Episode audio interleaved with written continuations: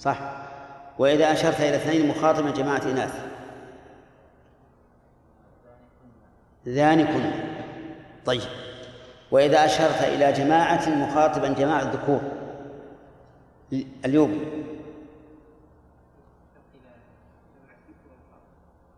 مخاطبا جماعة الذكور.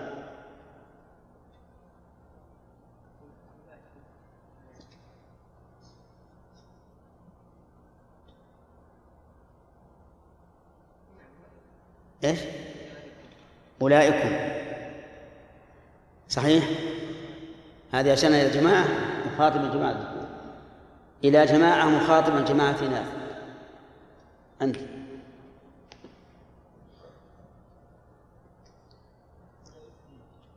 أولئك. طيب. إلى جماعة مخاطبا اثنين.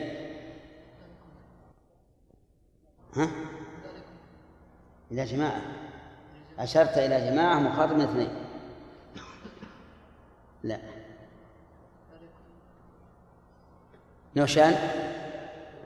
أولئكما أولئكما. طيب. المهم على كل حال اسم الإشارة بحسب المشار إليه والكاف بحسب المخاطب. إن كان مفردا مذكرا فالكاف تكون مفردا مذكرا. كان مفردا مؤنثا فكذلك مثنى جمعا كذلك. هذا هو الأفصح. وربما تأتي الكاف مفتوحة للمذكر مطلقا للمخاطب المذكر مطلقا. واحدا كان أو مثنى أو جماعة. ومكسورة للمخاطب المؤنث مطلقا واحدة أو أو اثنتان أو جماعة. وربما تأتي الكاف مفتوحة مفردة لكل مخاطب. فتقول ذلك تخاطب الرجل والمرأة والاثنين والجماعة. فهذه ثلاث لغات في كاف الخطاب المقترن باسم الإشارة. الأفصح أن يكون بحسب إيش؟ بحسب المخاطب. ثم مفتوحا في المذكر ومكسورا في المؤنث. ثم مفتوحا على كل حال مفردا مذكرا. طيب هنا يقول عز وجل ذا وذلك ذلكم بأنه. المشار إليه واحد. والمخاطب جماعة إيش؟ جماعة ذكور ذلكم فالمخاطبون جماعة ذكور أي العذاب الذي أنتم فيه بأنه أي بسبب أنه في الدنيا إذا دعي الله وحده كفرتم. إذا دعي الله وحده كفرتم وأشركتم وقلتم أجعل الآلهة إله واحدا إن هذا لشيء عجاب. كفرتم بتوحيده وإن يشرك به يجعل له شريك تؤمن تصدق بالإشراك. وهذا هو الواقع. إذا ذكر الله اشمأزت قلوب الذين لا يؤمنون بالآخرة. وإذا ذكر الذين من دونه إذا هم يستبشرون. فهم يصدقون بقلوبهم ويستبشرون بألسنتهم. وهذا الإيمان الواقع.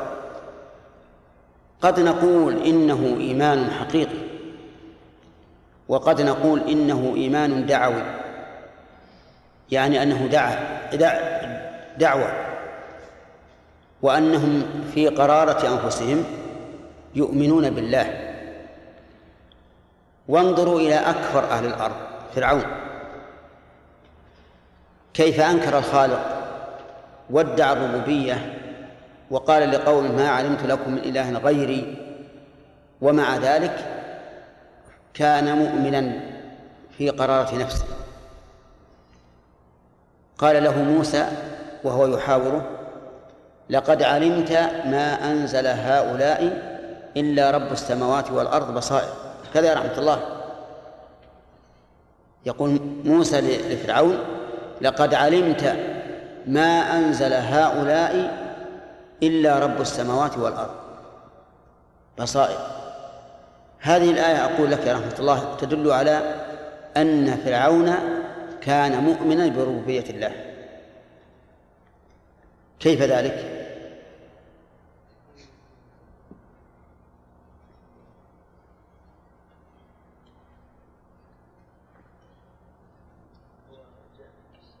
ها؟ لا لا لا, نعرف نعرف حاله لكن هو ينعس يلا.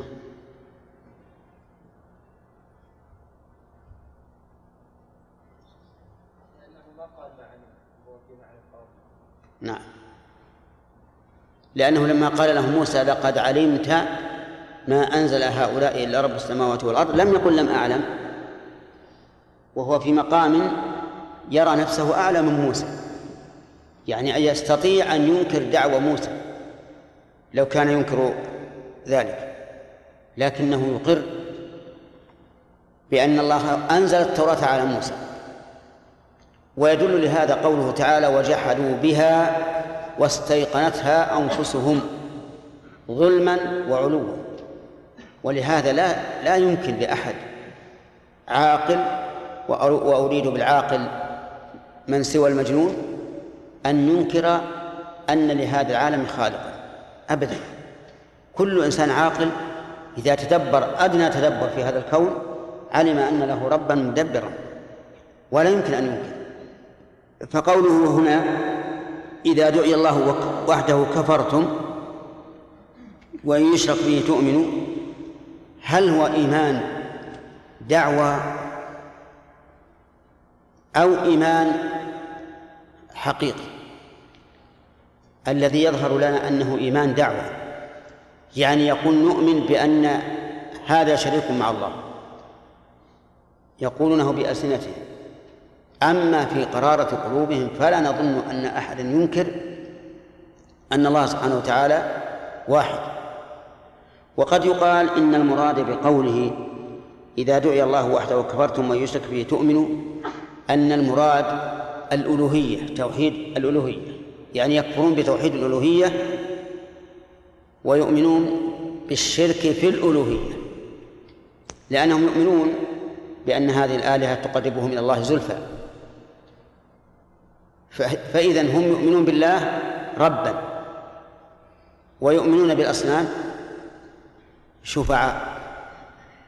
وإن يشرك به تؤمن فالحكم في تعذيبكم لله العلي على خلقه الكبير العظيم. يعني فبناء على أنكم في هذه الحال يكون حكمكم إلى الله. فالفاء حينئذ تكون إما للاستئناف وإما للتفريع على ما سبق. يعني فبناء على ذلك يكون الحكم في أمركم إلى الله. الحكم في تعذيبكم لله وحده. واللام تكون بمعنى الغاية أحيانا. كما تقول ولله ترجع الأمور بمعنى إلى الله. وهنا الحكم لله أي إلى الله أي أن حكمكم ينتهي إلى الله. ويحتمل أن يكون المعنى الحكم لله أي مستحق له لا يشاركه في أحد. العلي يقول المؤلف على خلقه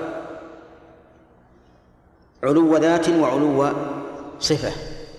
فالله سبحانه وتعالى عال على خلقه في ذاته فوق كل شيء وعال على خلقه في صفاته. قال الله تعالى ولله وقال الله تعالى وله المثل الأعلى في السماوات والأرض. المثل يعني الوصف الأعلى في السماوات والأرض. وعلو الله سبحانه وتعالى علوا معنويا وهو علو الصفة أمر مجمع عليه. لم يخالف فيه أحد من أهل الملة حتى المعطلون الذين ينكرون صفات الله عز وجل إنما أنكروها بناء على تنزيههم لله عز وجل عن مشابهة المخلوقين. وإن كانوا أخطأوا أخطأوا الطريق لكن هم يقولون نحن نقول هذا تنزيها لله. ولهذا يسمون الذين يثبتون يسمونهم المشبهة ويسمونهم المجسمة والحشوية وما أشبه ذلك ويرون أنفسهم هم أهل التوحيد. فقصدي أقول علو الصفة لم ينكره أحد من أهل الملة حتى أهل البدع حتى أهل البدع يقرون بذلك. وأما علو الذات فهو محل الصراع بين أهل السنة والجماعة وبين أهل التعطيل. فأهل السنة والجماعة يؤمنون بأن الله تعالى عال على خلقه بنفسه. وأهل التعطيل ينكرون ذلك.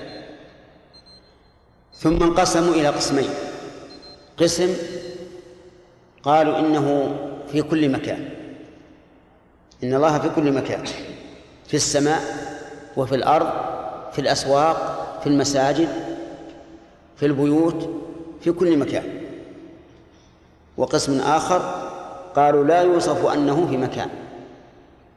فلا يقال فوق العالم ولا في العالم ولا تحته ولا يمين يمينه ولا شماله. ولا متصل بالعالم بالعالم ولا منفصل عنه. وهذا هو التعطيل المحض. لأننا لو أردنا أن نصف المعدوم لم نجد أبلغ من هذا الوصف. انتبهوا. إذا خالف في علو الذات طائفتان. الطائفة الأولى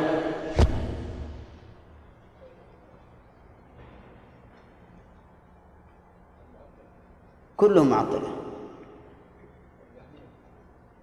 كلهم جهمية.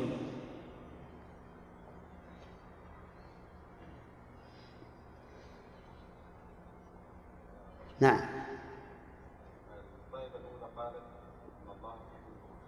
إن الله في كل مكان. طيب. أحسن. تمام. إذا خالف طائفتان. انتبه. الطائفة الأولى قالت إن الله في كل مكان بنفسه. وهذا يا إخواني حق. يعني قول قيل. لا تظنوا أنه تصور. فيها الآن من يعتقدون إن الله في كل مكان.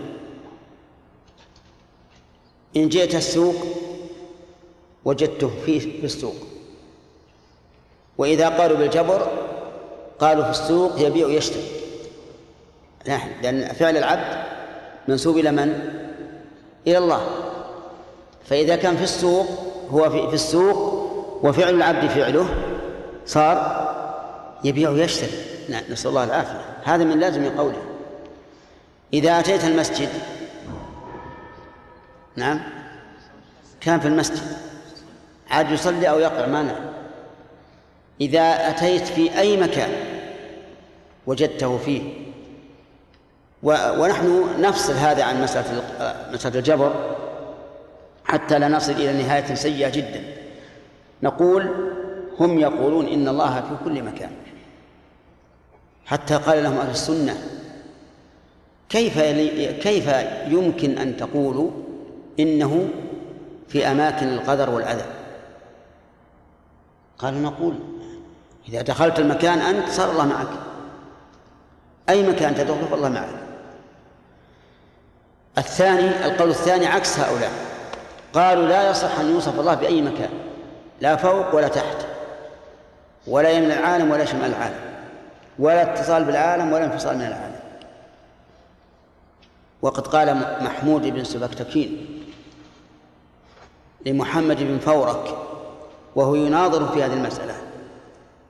قال له إذا قلت هذا فأثبت لنا ربا أثبت ربا إذا كان لا, هو فوق ولا تحت ولا يمين ولا شمال ولا متصل ولا منفصل ولا مباين ولا منحايث أين يكون؟ أجيب. لا يكون. هذا العدم تماما. فالحاصل أن العلو قول المؤلف رحمه الله علي على خلقه نقول العلو نوعان. علو صفة وعلو ذات. أما علو الصفة فهذا لم ينكر أحد من أهل القبلة حتى المبتدعة أنه منفي عن الله. كلهم يثبتون الله علو الصفة. لكن أهل التعطيل يرونه يرون التعطيل من باب التنزيه ورفع الله عز وجل. وأهل التمثيل كذلك يرون هذا من باب تعظيم الله عز وجل وإثبات حقيقته. وقولها نعم وأما علو الذات فهو الذي انقسم فيه الناس إلى هذه الأقسام الثلاثة التي سمعتم. الكبير قال العظيم. وهذا تفسير تقريبي.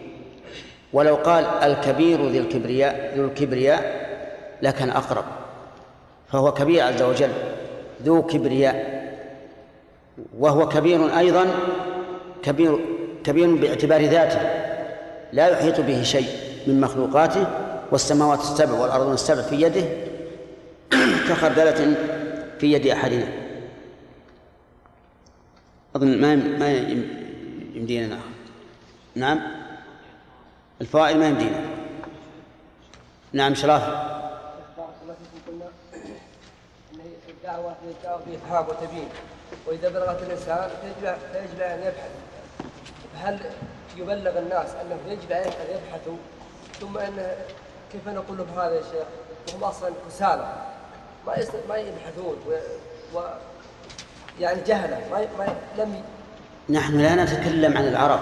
العرب يفهمون الدعوة بمجرد ما تبلغهم. نتكلم عن قوم لا يفهمون المعنى. يجب عليهم أن يبحثوا. أما عوام الناس الآن فقد بلغتهم وفهموها. ولهذا يعرفون معنى لا إله إلا الله ويعرفون معنى محمد رسول الله وما أشبه. نعم عبد الله.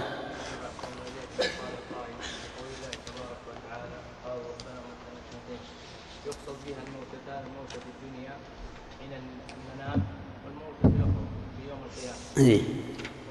لا يصح. هذا لا يصح لأن موتة الدنيا في المنام ما هي مرتين ولا ثلاث ولا أربع ولا مئة.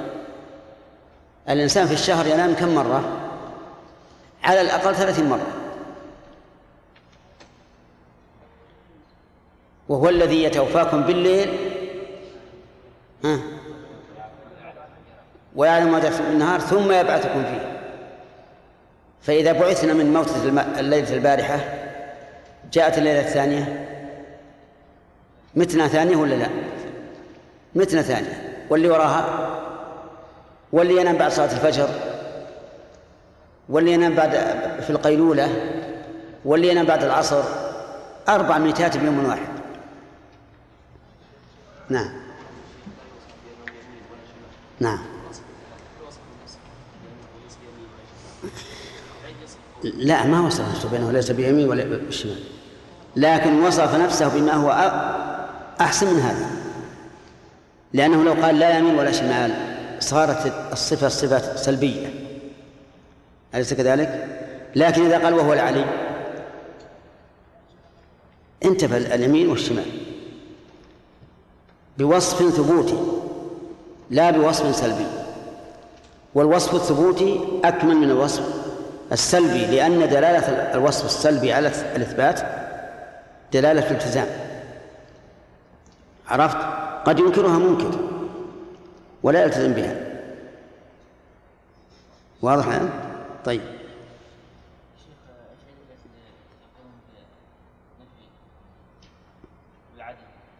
نفي نفي العدم.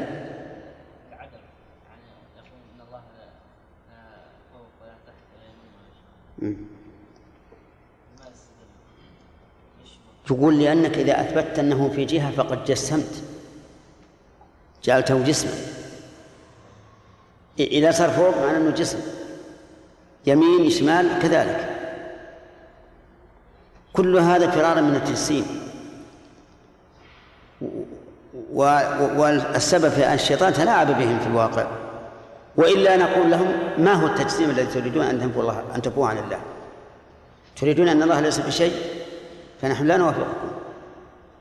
تريدون أن الله تعالى جسم موصوف بالصفات الكاملة فهو كذلك هو موصوف بالصفات الكاملة لكن لا نطلق لفظ الجسم على الله. لا نطلق ذلك على الله أبدا. ورد في الحديث ما يدل على أنه يوصف بالشخص. نعم. ومع ذلك لا نقول إنه شخص كأشخاص المخلوقين أبدا. ليس كمثله شيء. نعم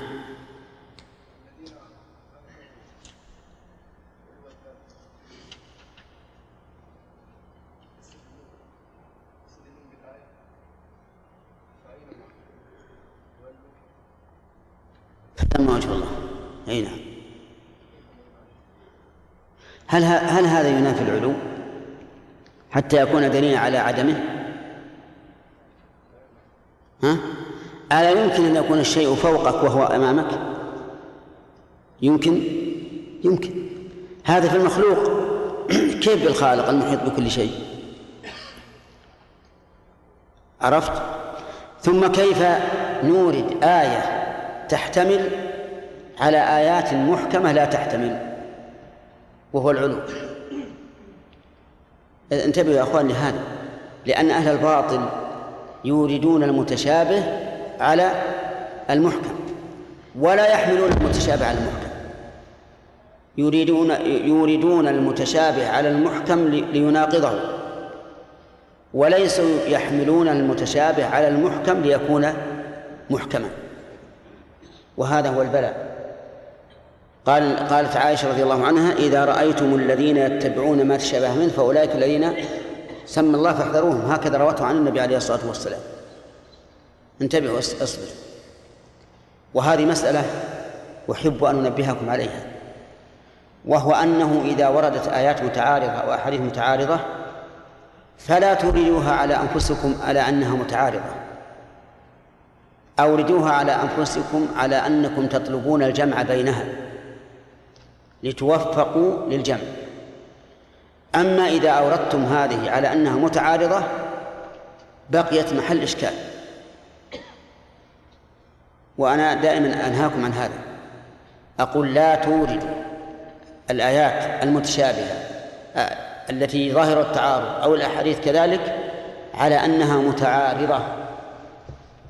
أوردوها على على أنكم تريدون الجمع بينها لا أن بعضها معارض البعض حتى تهدوا إلى الصراط المستقيم. لأن هناك فرق بين الإيراد وبين الرد.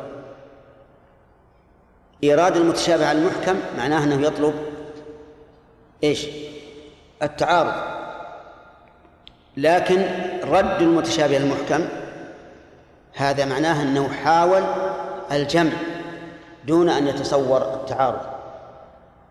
وهذه المسألة كما تكون في الأمور العلمية تكون أيضا في الأمور العملية.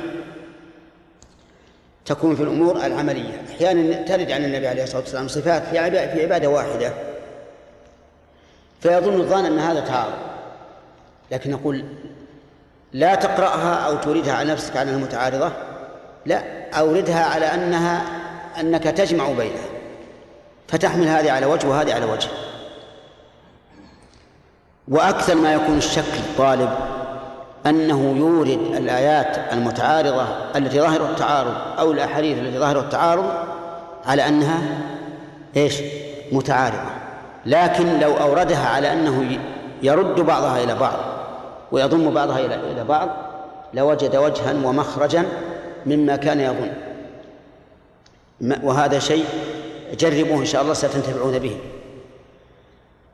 فالذين قالوا ولله المشرق والمغرب فإنما تؤلف ثم وجه الله يدل على عدم العلو فيعارض أدلة العلو نقول من قال من قال هذا؟ من قال إنه يدل على عدم العلو؟ وإذا كان الشيء مقابلا لك هل يلزم أن يكون محاذيا لك؟ نعم أبدا ما هو ما يلزم قد تقول هذا عن يمينه وهو في أسفل أسفل شيء لكن ما الجهة اليمنى. وهذا عن يساره وهو في أسفل شيء وهو عن الجهة اليسرى. كما جاء في حديث حديث المعراج أن على على يمين آدم أسودة وعلى يساره أسودة فإذا رأى إلى اليسار بكى. اليسار هي نسم بنيه الكفرة في النار. وهذا في الأسفل. فلا يلزم من كون الشيء على يمينك أن يكون محاذيا لك. ولا يلزم من كون الشيء فوقك أن يكون محاذيا لك. ولا من كونه أسفل منك أن يكون محاذيا لك. هذا ليس بلازم. لكن الذين في قلوبهم زيغ يتبعون ما تشابه منه لإيراد التشكيك. نعم. لا مضى الوقت مضى؟ رحمة الله رفيع الدرجات ذو العرش يلقي الروح من أمره على من يشاء من عباده لا تولي لما حجاج لينذر يوم التلاق يوم هم بارزون لا يخفى على الله منهم شيء لمن الملك اليوم لله الواحد القهار تعال هنا في الثالث. يوم تجزى كل نفس بما كسبت. لا إن الله سريع الحساب. خلاص خلاص. بس بس. شوفوا يا جماعة الأول في الأول. لازم يكمل الأول في الأول. نعم. أعوذ بالله من الشيطان الرجيم. قال الله تبارك وتعالى هو الذي يريكم آياته. هذا مبتدأ الدرس اليوم. وليس رفيع الدرجات هو الذي يريكم آياته وينزل لكم من السماء رزقا. وأظن أخذنا فوائد ما سبق. ها؟ وقفنا على إيش؟ ذلكم بأنه إذا آخر في هذه الآية فوائد. أولا إثبات الأسباب. إثبات الأسباب. لقوله ذلكم بأنه فالباء للسببية. وقد مر علينا كثيرا أن أهل السنة والجماعة يثبتون الأسباب لله الأسباب للمسببات. ولكن لا على أنها فاعلة بنفسها بل بما أودع الله فيها من القوى المؤثرة. هذا ما تؤخذ من قوله ذلك بأنه لأن الباء للسببية. ومن فوائد الآية الكريمة بيان ما عليه هؤلاء الكفار من كونهم إذا دعي الله وحده كفروا. وإذا أشرك به أقروا هذا الشرك لقوله بأنه إذا دعي الله وحده كفرتم وإن يشرك به تؤمنوا. ومن فوائد هذه الآية الكريمة أن الحكم لله. لقوله تعالى فالحكم لله وليس لغيره. وحكم الله تعالى ينقسم إلى قسمين كوني وشرعي. فالكوني ما قضى, ما قضى به على عباده كونا وتقديرا والشرعي ما قضى به على عباده شرعا وتنظيما. وهذا والمثالان موجود والحكمان موجودان في القرآن جميعا. فمن الحكم القدري قوله تبارك وتعالى فلن أبرح الأرض حتى يأذن لي أبي أو يحكم الله لي. ومن الحكم الشرعي قوله تعالى ذلكم حكم الله يحكم بينكم. والله عليم حكيم. والفرق بينهما أن الحكم الشرعي يرضاه الله عز وجل. والحكم الكوني يتعلق فيما يرضاه وفيما لا يرضاه. والفرق الثاني أن الحكم الشرعي قد يقع من المحكوم عليه وقد لا يقع. وأما الحكم الكوني فإنه لا بد أن يقع. فإذا حكم الله على شخص بموت أو مرض أو فقر أو عاهة أو غير ذلك وقع ولا بد وإذا حكم الله على شخص بأن يؤمن ويعمل صالحا فقد يقع وقد لا يقع. وقول فالحكم هنا يشمل الأمرين جميعا. يستفاد من هذا أنه لا يجوز الحكم بالقوانين المخالفة للشريعة. لقوله فالحكم لله. وهذه الجملة تفيد الحصر.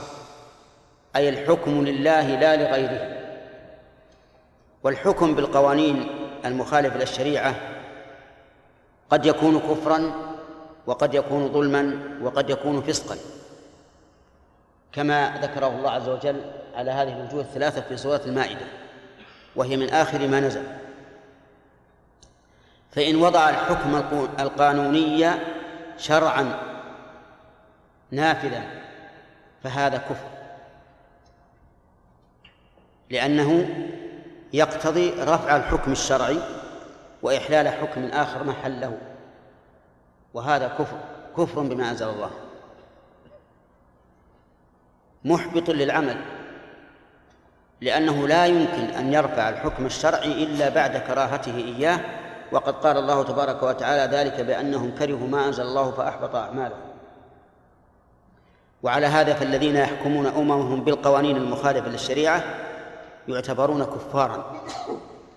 يجب عليهم أن يتوبوا إلى الله وأن يحكموا بشريعة الله وإلا ماتوا كفارا والعياذ بالله. ونحن لا نحكم لهذا الشيء لكل واحد بعينه. إذ قد يكون بعضهم ملبسا عليه أو مغررا به أو تكلم عنده من يثق به فأضله. قد يكون هذا ال... الذي وضع القانون غره من يقول إن إن الحكم الشرعي إنما يكون فيما بين الإنسان وبين ربه في العبادات والأحوال الشخصية والمواريث وأما مسائل الدنيا فهي للدنيا لأهل الدنيا. ويشبه بقوله صلى الله عليه وآله وسلم أنتم أعلم بأمور دنياكم.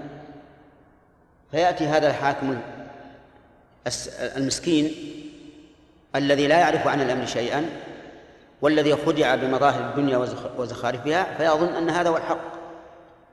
فيضع القانون المخالف للشرع. فمثل هذا لا نحكم بكفره لأنه مغرر به مؤول لكن إذا بين له ثم أصر حكم بكفره. أما الثاني الحكم بغير ما أنزل الله الذي يكون ظلما فهو ما كان الحامل عليه حب الاعتداء على الغير.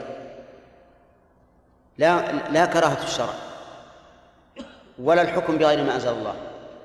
لكن لكراهته للغير حكم على الغير بغير ما أنزل الله. ظلما وعدوانا فهذا له حكم الظلمة.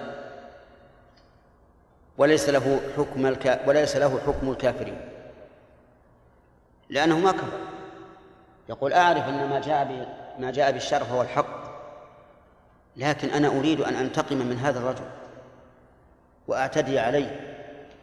فيكون هذا له حكم إيش؟ الظالم ومن لم يحكم بما أنزل الله فأولئك هم الظالمون. أما القسم الثالث فهو الذي حكم بغير ما أنزل الله لهوى في نفسه لا كراهة للحق ولا استدلال له بغيره لكن يريد شيئا في نفسه فحكم بغير ما أنزل الله.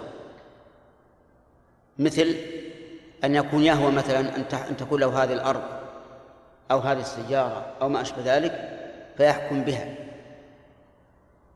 لغرض لا ليس قصده ظلم المحكوم عليه ولكن قصده اتباع الهوى قصده اتباع الهوى. فيحكم فيكون في هذا من الفاسقين.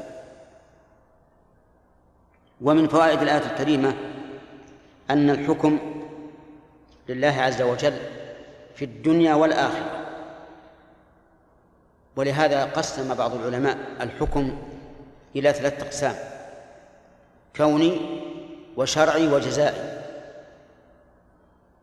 الحكم الجزائي ما يكون في الآخرة ولكن الصحيح أن الحكم الجزائي لا يخرج عن كونه حكما كونيا لأنه فعل الله وحينئذ لا حاجة إلى كثرة التقاسيم لأنه كلما أمكن اختصار التقسيم كان أولى.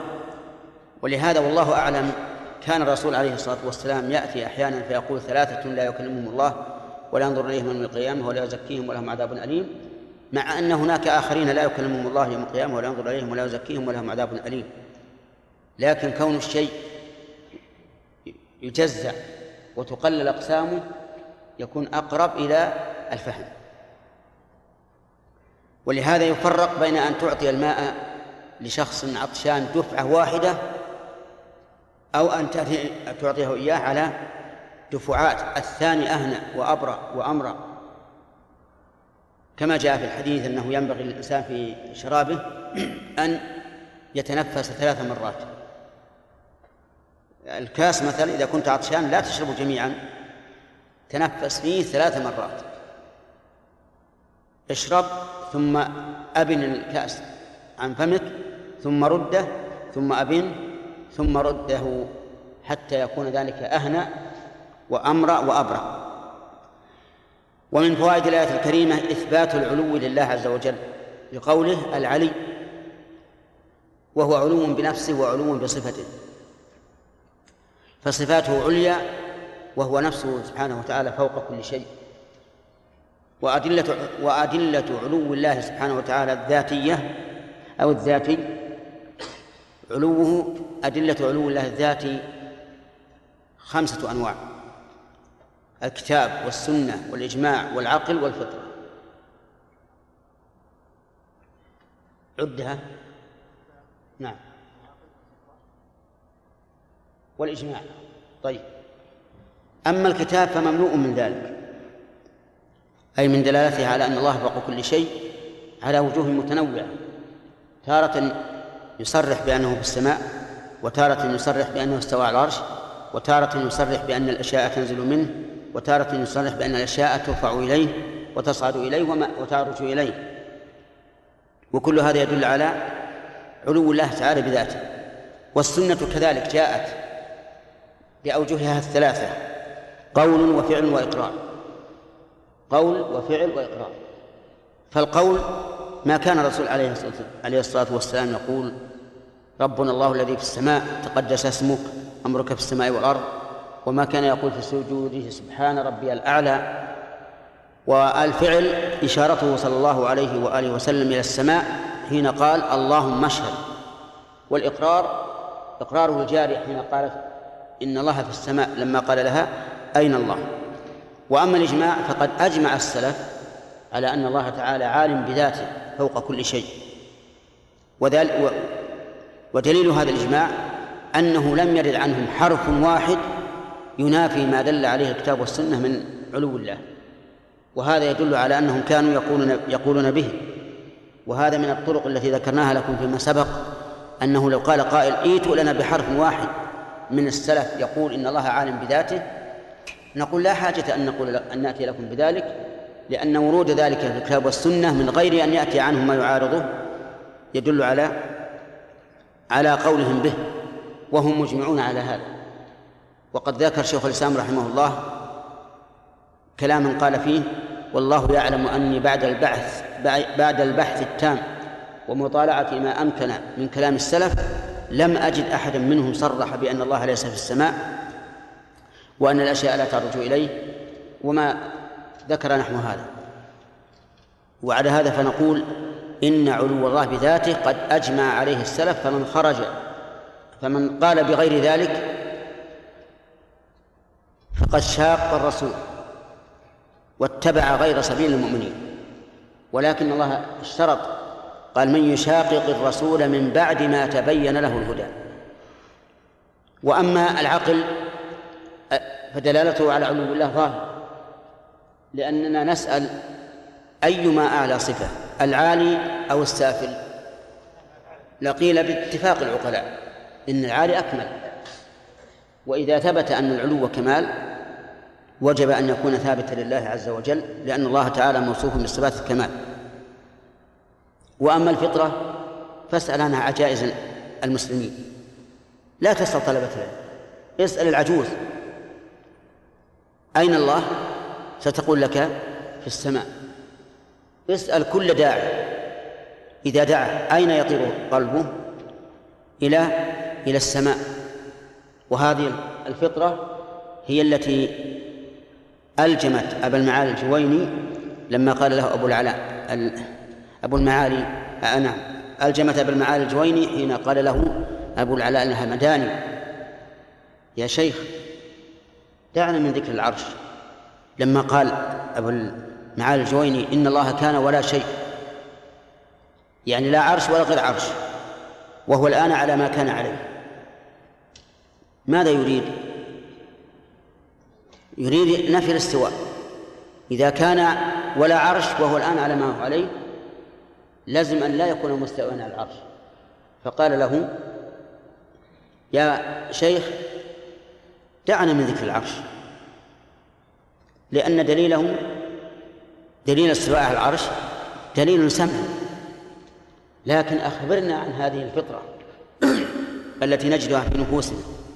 ما قال عارف قط يا الله إلا وجد من قلبه ضرورة بطلب العلو. فلطم أبو المعالي على على رأسه وقال حيرني الهمدان تحير. ليش؟ عجيب لأن هذا أمر فطري ما يمكن إنكاره أبدا. إن كان الإنسان يمكن أن يكون بشرا أنكر أن يكون أن أن أن ينفي أنكر ما دلت عليه الفطرة فالحاصل أن علو الله بذاته دل عليه إيش؟ الكتاب والسنة والإجماع والعقل والفطرة.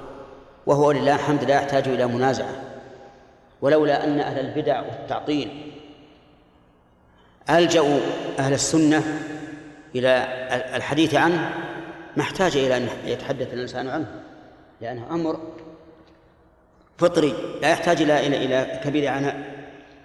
لكن هؤلاء المتكلمون المبتدعون المعطلون المحرفون المنحرفون هم الذين ألجأوا أهل السنة أن يقولوا بمثل ذلك وأن يحاولوا إثبات هذه الأمور بما يستطيعون من الأدلة. ومن فوائد الحديث من هذه الآية إثبات الكبرياء لله والكبر لقوله الكبير. والله تعالى يجمع بين الكبر الكبرياء والكبر والكبر في غير ما آية. قال الله تعالى الكبير المتعال. وهنا يقول العلي الكبير لأن بذلك يحصل الكمال المطلق العلو والكبرياء والكبر فيه كمال آه، الكمال فيه كمال الكمال. ثم قال الله تعالى وهو ابتداء درسنا اليوم هو الذي يريكم آياته وينزل لكم من السماء رزقا وما يتذكر إلا من ينيب هو الذي يريكم أي يظهر لكم آياته حتى تروها. والضمير يعود إلى من؟ إلى الله. فهو فهو الذي له الحكم وهو العلي الكبير ومع ذلك لم يدع عباده هملا بل أراهم آياته حتى يؤمنوا. فقوله هو الذي يريكم آياته أي الله يظهرها لكم حتى تروها عيانا. والآيات هنا العلامات. العلامات الدالة على معلومها. وهي أبلغ من المعجزات وما أشبهها. وآيات الله سبحانه وتعالى نوعان آيات كونية وآيات شرعية. فالآيات الكونية هي مخلوقات الله عز وجل والآيات الشرعية هي الوحي. الذي جاءت به الرسل. كل كل المخلوقات آيات من آيات الله. وفي الأرض آيات للموقنين. وفي أنفسكم أفلا تبصرون. ومن آياته أن خلق لكم من أنفسكم أزواجا لتسكنوا إليها. ومن آياته خلق السماوات والأرض وما بث فيها من دابة. والأمثلة على هذا كثيرة. كلها تدل على خالقها عز وجل وعلى تفرده بالخلق وعلى حكمته وعلى رحمته وعلى عزته إلى غير ذلك من معاني الربوبية التي تدل عليها هذه الآيات. وقد تكون آية واحدة تدل على عدة آيات وعلى عدة أوصاف. هذه الآيات الكونية قلت لكم إنها شاملة لكل المخلوقات. وفي هذا يقول القائل وفي فوا عجبا. كيف يعصى الإله؟ أم كيف يجحده الجاحد؟ وفي كل شيء له آية تدل على أنه واحد. كل شيء تأمل فيه تجد الدلالة الكاملة على أن له خالقا مدبرا حكيما عليما إلى غير ذلك من معاني الربوبية. أما الآيات الشرعية فهي ما جاءت به الرسل وقد أرانا الله تعالى إياها وأعطى الرسل عليهم الصلاة والسلام من الآيات ما يؤمن على مثل البشر. فالرسل لم يأتوا هكذا يقول الناس نحن رسل إليك نحن رسل إليكم بل أتوا بالآيات الدالة على ما أرسلوا به وعلى مرسلهم. هو الذي يريكم آياته. إذن الآيات تشمل الكونية والشرعية. البرق. آية كونية. هو الذي يريكم البرق خوفا وطمعا. نعم. وما يتذكر إلا من ينيب. وينزل لكم من السماء رزقا. وينزل لكم من السماء رزقا. التنزيل يكون من أعلى. وهنا قال من السماء وهو العلو. وليس المراد بالسماء هنا السماء المحفوظة السقف المرفوع بل المراد به العلو لقوله تعالى والسحاب المسخر بين السماء والأرض. فالمطر ليس ينزل من السماء السقف المحفوظ وإنما ينزل من العلو من السحاب المسخر بين السماء والأرض. وهذا أمر مشاهد. وقوله رزقا أي ماء يكون به الرزق. أي ماء يكون به الرزق. فالذي ينزل ماء يكون به الرزق. فهو نفسه رزق. أفرأيتم الماء الذي تشربون؟ أأنتم أنزلتموه من المزن أم نحن المنزلون؟ وبه يكون الرزق فأخرجنا به من كل الثمرات. والثمرات أرزاق تؤكل. والماء رزق يشرب. فهو رزق بكل حال. وفي تقديم الآيات على إنزال الرزق من السماء دليل على أن النعمة الدينية أهم وأكبر من النعمة الدنيوية. نعم. وينزل لكم من السماء رزقا وما يتذكر إلا من ينيب. قال المؤلف المفسر هو الذي يريكم آياته دلائل توحيده. يعني التي تدل على توحيده وغير ذلك مما تدل عليه من معاني الربوبية. وينزل لكم من السماء رزقا بالمطر. فالمؤلف رحمه الله يرى أن الرزق هو ما يخرج بالمطر يعني النبات وما أشبه ذلك. ولكن ما ذكرنا هو هو الأصوب أن المطر نفسه رزق. لأن الله قال أفرأيتم الماء الذي تشربون أأنتم أنزلتموه من المزن وأحيانا يكون احتياج البدن إلى الماء أكثر من احتياجه إلى إلى الأكل. وما يتذكر يتعظ إلا من ينيب يرجع عن الشرك. وقول إلا من ينيب قال يرجع عن الشرك. وهذا لا شك أنه صحيح لكنه قاصر. فالصواب من ينيب من يرجع إلى الله عز وجل من الشرك وغيره من المعاصي والفسوق فهو أعم مما قال المؤلف. من فوائد هذه الآية الكريمة بيان قدرة الله عز وجل. لأنه يرينا الآيات. ومن فوائد الآية الكريمة أن ما يرينا الله تعالى من آياته حجة ملزمة. لئلا يقول قائل نحن لم يأتنا آيات حتى نتعظ بها. ومن فوائد الآيات الكريمة الآية الكريمة أن المخلوقات والمشروعات كلها تدل على الخالق المشرع سبحانه وتعالى. ومن ومن فوائد الآية الكريمة منة الله عز وجل بإنزال المطر من السماء وأنه رزق لنا. ومن فوائدها الحكمة في أن المطر ينزل من السماء. والله عز وجل قادر على أن يجعل للأرض أنهارا تسير على سطح الأرض وتسقي ما شاء الله أن تسقيه لكن المطر أنفع وأفضل لأن المطر إذا نزل من أعلى شمل قمم الجبال فيشمل السهل والوعر والنازل والعالي وهذه من الحكمة أن يكون المطر ينزل من فوق حتى يشمل الأرض كلها. ومن فوائد الآية الكريمة أن ما تتغذى به الروح أهم مما يتغذى به البدن. لأنه قدم إراءة الآيات على الرزق الذي ينزل من السماء.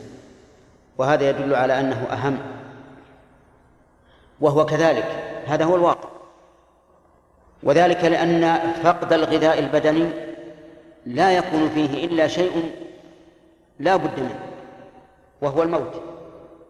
الذي لا بد منه حتى لو كان الإنسان في أنعم ما يكون من نعيم البدن وأترف ما يكون فلا بد أن يموت. لكن غذاء الروح هو الذي يحتاج إلى معاناة ومعالجة وبفقده يكون الهلاك في الدنيا والآخرة. قل إن الخاسرين الذين خسروا أنفسهم وأهليهم يوم القيامة. قل هل قل هل ننبئكم بالأخسرين أعمالا الذين ضل سعيهم في الحياة الدنيا وهم يحسبون أنهم يحسنون صنعا أولئك الذين كفروا بآيات ربهم ولقائه. والعصر إن الإنسان لفي خسر إلا الذين آمنوا وعملوا الصالحات وتواصوا بالحق وتواصوا بالصبر. إذن خسارة البدن دون خسارة الروح بكثير. خسارة الدنيا دون خسارة الدين بكثير. ولهذا قدم الله نعمته بإراءة الآيات على نعمته بإنزال المطر.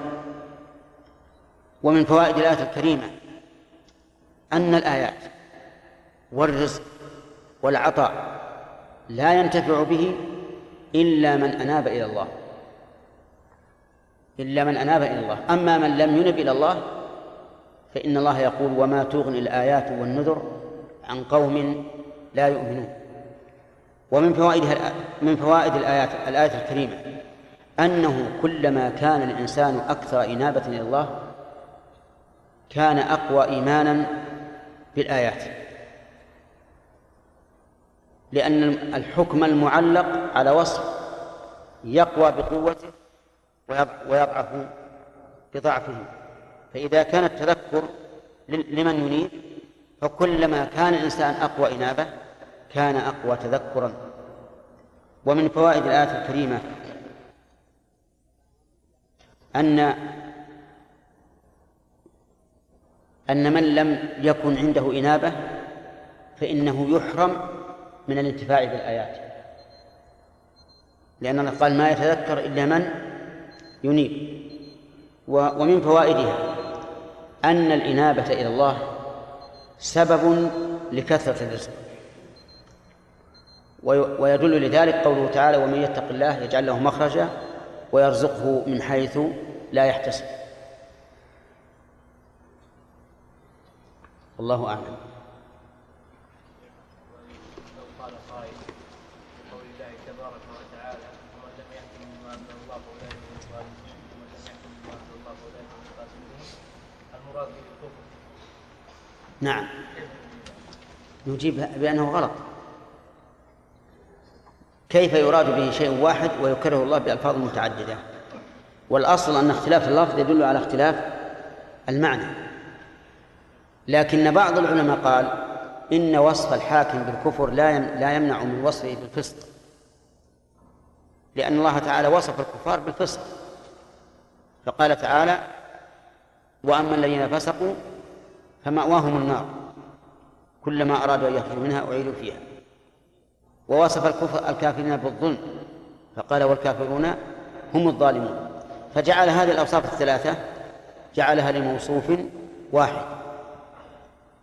ولا مانع من أن يوصف الإنسان بعدة أوصاف فالكافر لا شك أنه ظالم ولا شك أنه فاسق خارج عن الطاعة بل فسقه فسق مطلق. وفسق المؤمن العاصي فسق مقيد ولكننا إذا جعلناهم إذا جعلنا هذه اختلاف هذه الألفاظ منزلا على أحوال كان أبلغ لأننا نقول الكفر متضمن للظلم والفسق فدلالته عليه بالالتزام فيكون مطلق مجرد وصف أيها بالكفر هو وصف له بالظلم والفسق.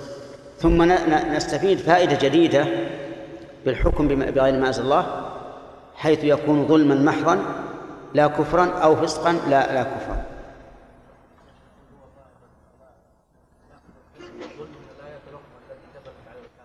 لا أنا أقول إن إن كوننا نجعل الاختلاف في اللفظ باختلافا في المعنى أحسن لأن هذا هو الأصل.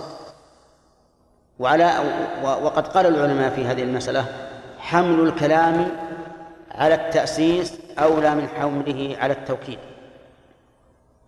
نعم.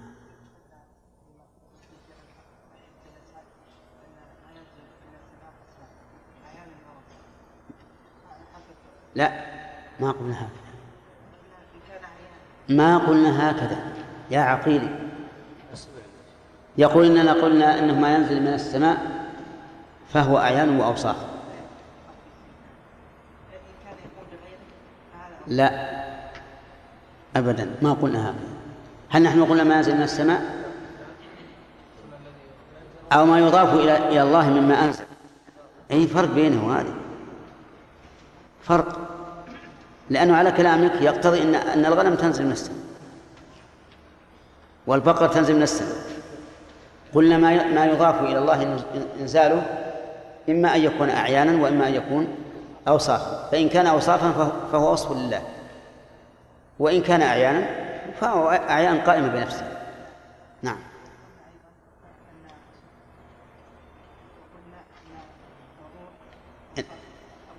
أي. إيش؟ إي نعم. بلى. إي نعم. ما هي اوصاف الصحيح أن الروح جسم لكنه جسم ليس كالأجسام المعروفة الكثيفة. لا لا ما يعرف. حنا قلنا ما أنزله الله تعالى ينقسم إلى قسمين. والله تعالى لم يذكر أنه أنزل الروح. ما ذكر أنه أنزل الروح؟ نعم.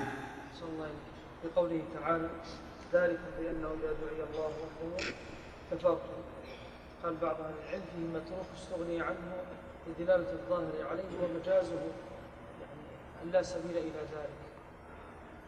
ما كيف؟ يقول بقوله تعالى في الآية السابقة ذلك إذا دعي الله وحده.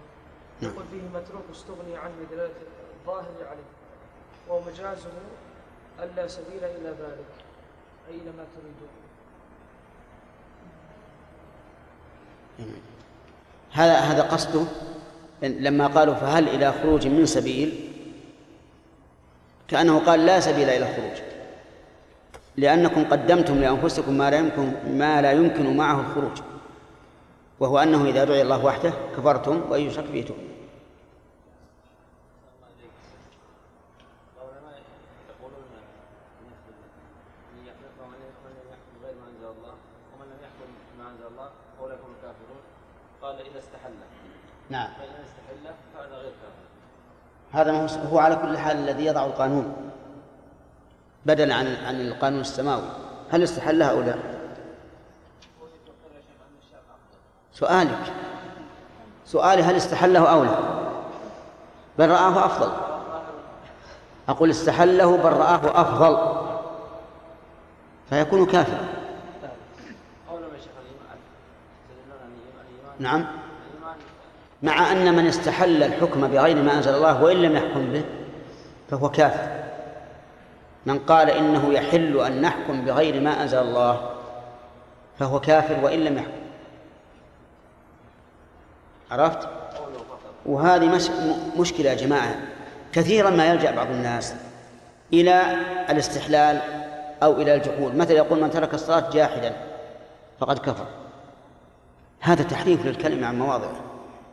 وهذه مسألة أخبركم بأنه يلجأ إليها المتعصب لقوله فيحاول أن يلوي أعناق النصوص إلى ما يقول. فمثلا من ترك الصلاة فقد كفر. الذين قالوا لا يكفر ماذا عملوا؟ قالوا من تركها جاحدا لوجوبها فقد كفر. فنقول سبحان الله أنتم إذا فعلتم ذلك جنيتم مرتين على على كلام رسول الله. المرة الأولى حملكم الكلام على غير ظاهره والمرة الثانية إثبات أمر لم يقله الرسول عليه الصلاة والسلام. الرسول ما قال من تركها ولم يقل من جحدها هل في لسانه عي أن يقول من جحدها ثم نقول لكم الجحد كفر وإن صلى. والرسول يقول ترك الصلاة. لو أن الإنسان قال أشهد لو قال إن الصلاة ليست بواجبة ولكنه يواظب عليها وهو أول من يأتي للمسجد وآخر من يخرج يكفر ولا ما يكفر؟ يكفر. كيف تلغون وصف الترك وتأتون بوصف جديد تعلقون به الحكم؟ وهذه مشكلة. ولما قيل للإمام أحمد في قوله تعالى ومن يقتل مؤمنا متعمدا فجزاؤه جهنم خالدا فيها وغضب الله عليه ولعنه وأعد له عذابا عظيما. قالوا له إن فلانا يقول هذا في من استح في من استحل قتل المؤمن. ضحك. ضحك الإمام أحمد. قال سبحان الله من استحل قتل المؤمن فهو كافر قتله أم لم نقتله وهذا التحريف لا شك أنه مضحك. كذلك أيضا من استحل الحكم بغير ما أنزل الله فهو كافر سواء حكم أم لم يحكم. والآية علقت علقت الحكم بماذا؟ علقت الحكم بالحكم. ومن لم يحكم بما أنزل الله. عرفت الآن؟ وهذه مسألة احذروها. احذروها احذروا تحريف الكلم عن مواضعه من أجل اعتقاد تعتقدونه. واجعلوا اعتقادكم وحكمكم على الشيء تابعا للنصوص. لا تجعلوا النصوص تابعة. إذا جعلت النص تابعا لما تعتقد فإن هذا هو اتباع الهوى تماما. اجعل نفسك بين يدي النصوص كالميت بين يدي الغاسل تقلبك النصوص ولا تقلبها. هذا هو المؤمن. لكن نعم قد يكون أحيانا النصوص بعضها يقيد بعضا أو يخصص بعضا أو الفقه بالشريعة يقتضي تقييد المطلق أو تخصيص العام وما أشبه ذلك وهذا لا يخرج بنا عن اتباع النصوص. نعم. انتهى الوقت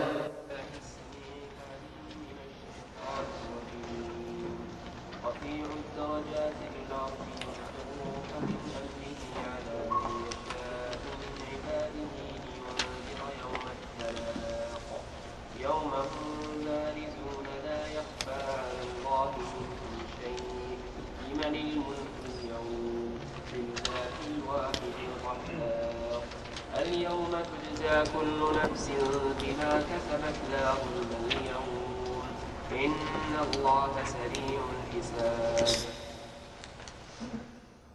أعوذ بالله من الشيطان الرجيم. قال الله تبارك وتعالى فادعوا الله مخلصين له الدين. وأظن أخذنا فوائد الآية السابقة. نعم. قال الله تعالى فادعوا الله مخلصين له الدين ولو كره الكافرون. لما بين الله سبحانه وتعالى أنه أرانا آياته الكونية والشرعية أمرنا أن ندعوه وحده مخلصين له الدين. فقوله فادعوا الله قال المفسر فاعبدوه. وهذا أحد معنى معنيي الدعاء. والمعنى الثاني دعاء المسألة. يعني اسألوه والصواب أنه شامل للأمرين. أي دعاء المسألة ودعاء العبادة. فالعبادة تسمى دعاء كما في قوله تعالى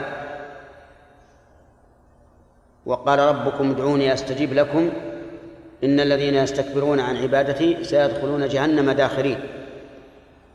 قال ادعوني ثم قال إن الذين يستكبرون عن عبادتي. وأما دعاء المسألة. وأما دعاء دعاء العبادة فإنه كل إنسان يدعو الله سبحانه وتعالى فإنه لا يدعوه إلا وهو يؤمن أنه بكل شيء عليم وأنه على كل شيء قدير فلهذا دعاه. فصار بذلك عابدا له. قال فادعوا الله مخلصين له الدين. مخلصين حال من الواو في قوله فادعوا الله. والإخلاص التنقية. تنقية الشيء تسمى إخلاصا. والمعنى نقوا دينكم من الشرك. وقوله له الدين المراد بالدين العمل سواء كان عبادة أم دعاء. والدين يطلق على العمل ويطلق على جزاء العمل. فقوله تعالى لكم دينكم ولي دين هذا من باب إطلاق الدين على العمل. وقوله تعالى مالك يوم الدين هذا من باب إطلاق الدين على الجزاء. ويقال كما تدين تدان أي كما تعمل تجازى. فالدين هنا بمعنى مخلصين له الدين بمعنى العمل. مخلصين له الدين من الشرك. نعم من الشرك كما قال المؤلف رحمه الله أن ندعو الله تعالى مخلصين له الدعاء وأن نعبده مخلصين له العبادة من الشرك. فلا نشرك به غيره لا في دعائنا ولا في عبادتنا. ولو كره الكافرون إخلاصكم يعني ادعوا الله مخلصين على كل حال سواء رضي الكافرون أم سخطوا ومن المعلوم أنهم سوف سوف يسخطون لكن لا يهم أن يسخطوا علينا إذا أخلصنا الدين لله. وقول المؤلف ولو كره المشركون إخلاص الكافرون إخلاصكم ينبغي أن يقال ولو كرهوا عملكم المخلص لأن الإخلاص نية القلب والكافر إنما يكره ما يظهر من عمل الإنسان.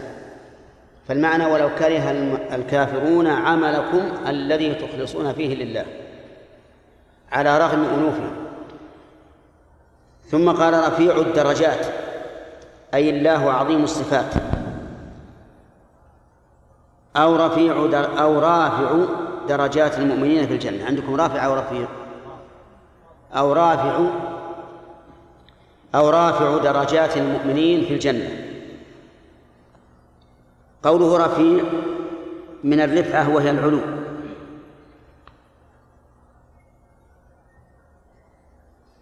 فسرها المؤلف رحمه الله وعفى عنه بأحد معنيين أن المراد بالرفعة العظمة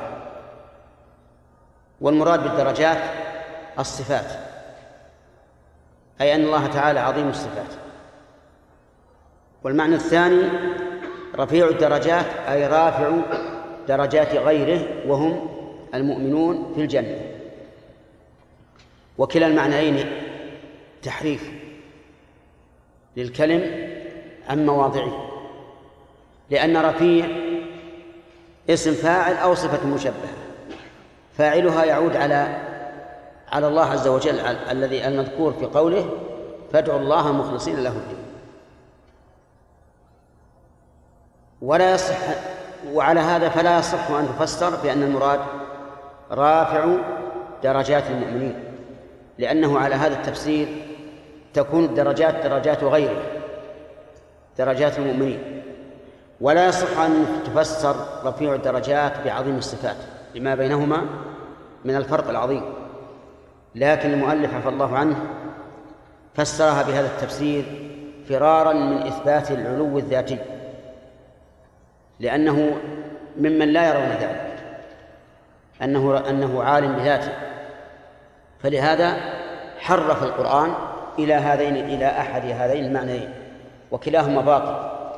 والصواب أنه سبحانه هو رفيع الدرجات. ويدل لهذا ويعينه قوله ذو العرش أي صاحب العرش والعرش هو أعلى المخلوقات. فكأنه قال رفيع الدرجات فوق العرش.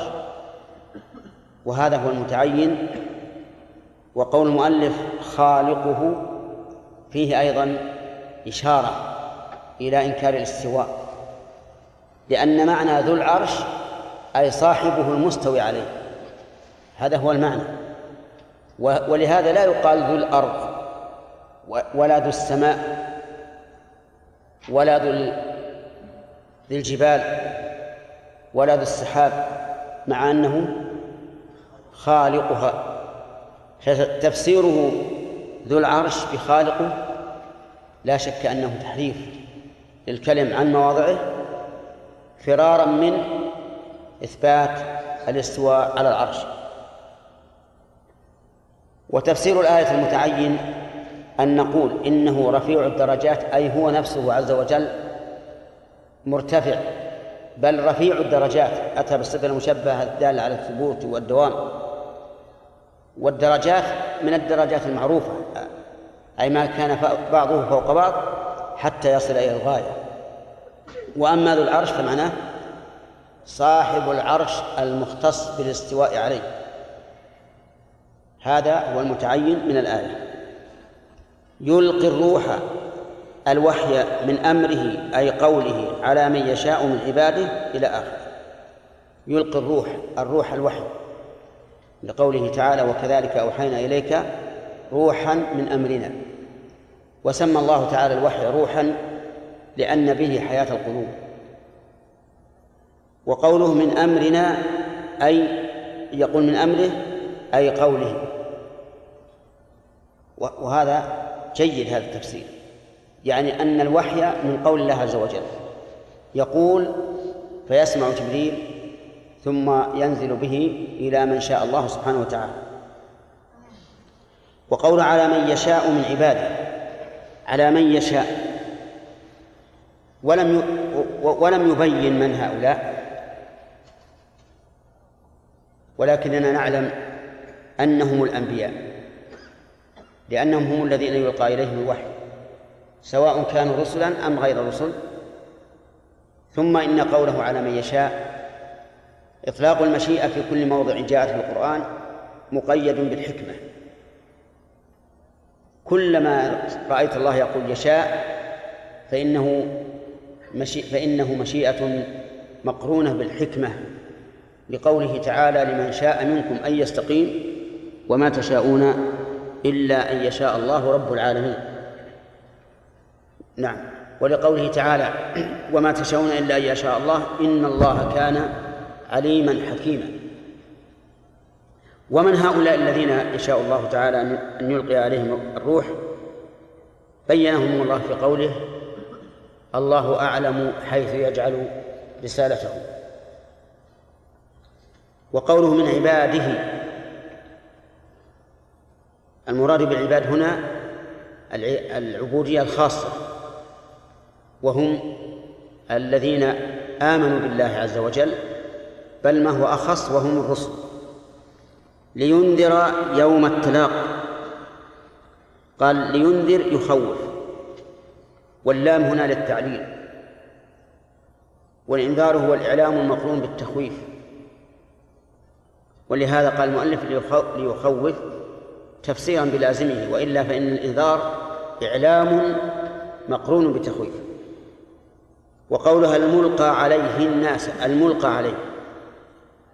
أفادنا المؤلف رحمه المفسر رحمه الله أن فاعل ينذر هو الملقى عليه وهو الرسول. ولا شك أنه هو المنذر مباشرة. ويحتمل أن الفاعل يعود على فاعل يلقي الروح وهو الله عز وجل أي لينذر الله. والحكمة من عدم ذكر الفاعل والله أعلم ليصلح الفعل للأمرين أي ليكون صالحا لأن يعود الإنذار إلى الله وأن يعود إلى الرسول فإن عاد إلى الله فلأنه الأصل وإن عاد إلى الرسول فلأنه المبلغ المباشر. للإنذار وقولها الناس هذا تقدير للمفعول الأول الذي هو مفعول ينذر لأن ينذر تنصب مفعولين أصلهما المبتدأ والخبر أو لا؟ لا ليس أصلهما المبتدأ والخبر. المفعول الأول يكون محذوفا أو المفعول الثاني يكون محذوفا. قال الله تعالى وأنذرهم يوم الآزفة.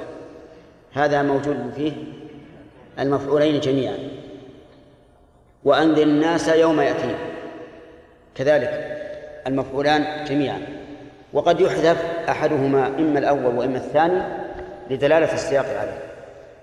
لينذر يوم التلاق بحذف الياء وإثباتها. أي أن فيها قراءتين التلاقي بالياء والتلاق بحذف الياء. أما إثبات الياء فلأنه الأصل. وأما حذف الياء فللتخفيف.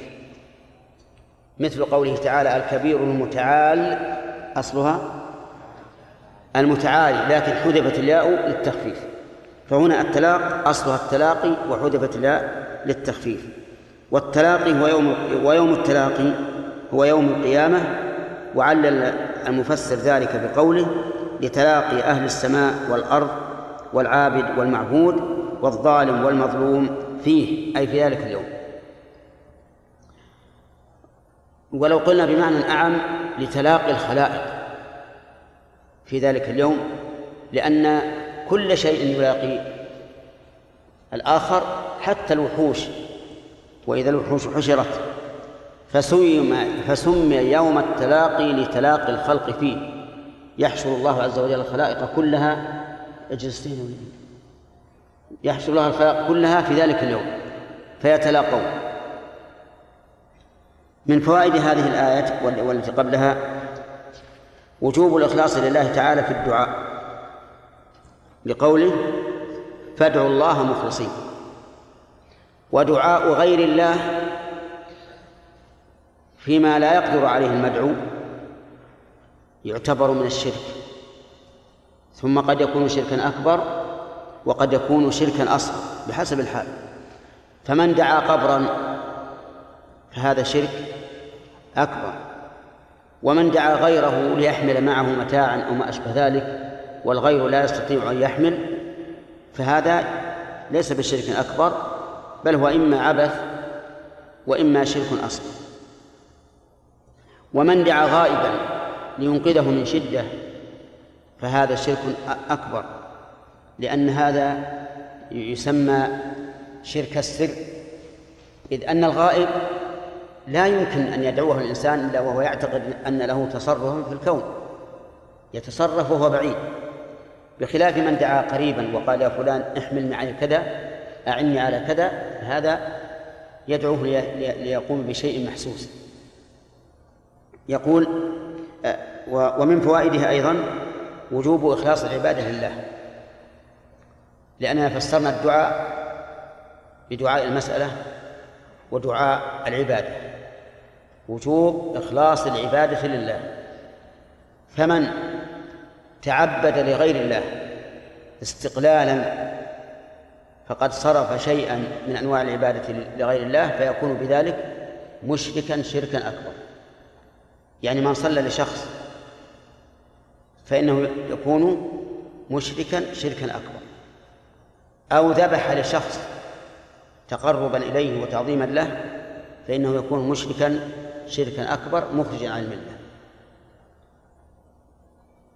وأما إذا فعل العبادة لله لكن رأى فيها أو سمع فهذا لا يكون مشركا شركا أصغر ولكنه لا يكون مشركا شركا أكبر ولكنه مشرك شركا أصغر وعبادته مردودة عليه لقول لقول الله تعالى فيما رواه عن ربه أنا أغنى الشركاء عن الشرك من من عمل عملا أشرك فيه معي غيري تركته وشركه. ثم اعلم أن الرياء إذا طرأ على القلب فإن كان قبل الدخول في العبادة أبطلها من أصلها لأنه دخل فيها على شرك.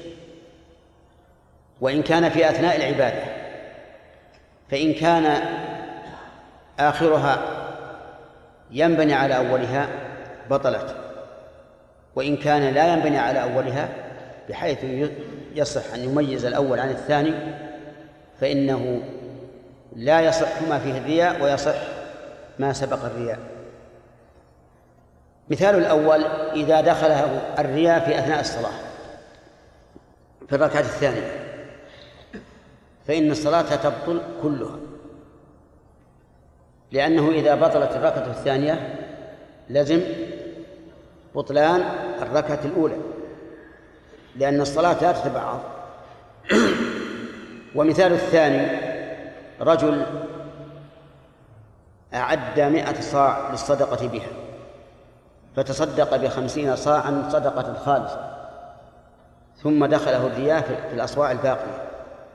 فهنا تبطل الأصواع الباقية أما الأولى فتصح وذلك لأن هذه العبادة عن الصدقة تتبعض ولا ينبني آخرها على على أولها حتى لو فرض أنها مما عينه الشرع كإطعام ستين مسكينا مثلا في كفارة فأطعم ثلاثين مسكينا بإخلاص ثم بعد ذلك دخله الرياء فإن ما سبق الثلاثين الأخيرة يكون مجزيا. هذا إذا استرسل مع الرياء وأما إذا طرأ عليه الرياء فدافعه وما زال جاهدا في مدافعته فإنه لا يضره شيئا. لقول النبي عليه الصلاة والسلام إن الله تجاوز عن أمتي ما حدثت به أنفسها ما لم تعمل أو تتكلم وهذا لم يعمل ولم يتكلم بل ربما أنه لم يحدث نفسه لكن هاجمه الرياء فصار الآن من فعل العبادة لغير الله يعني تعبد لغير الله فحكمه لا لوراء شرك. أكبر أو أصغر؟ أكبر. طيب. ومن فعل العبادة لله لكن دخلها الرياء. أي نعم. فعل العبادة لله ولكن دخلها الرياء. شرك؟ ما في تفصيل ولا نعم. عبد الرزاق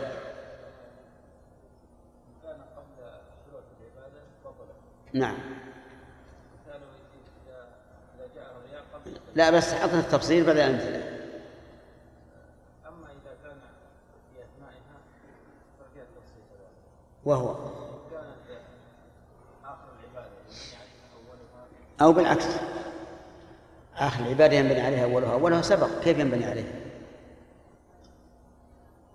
إن كان آخرها. ينبني على أولها بمعنى أنها لا تتبعض نعم. وإن وإن كان آخرها لا ينبني على لا ينبني أولها لا ينبني على أولها. بأن كانت تتبعض نعم. وما سبقه فهو صحيح كلام طيب. آه قيدنا هذا. نعم. إيه أنت؟ أقول قيدنا هذا هذا التفصيل اللي قال عبد الرزاق بماذا؟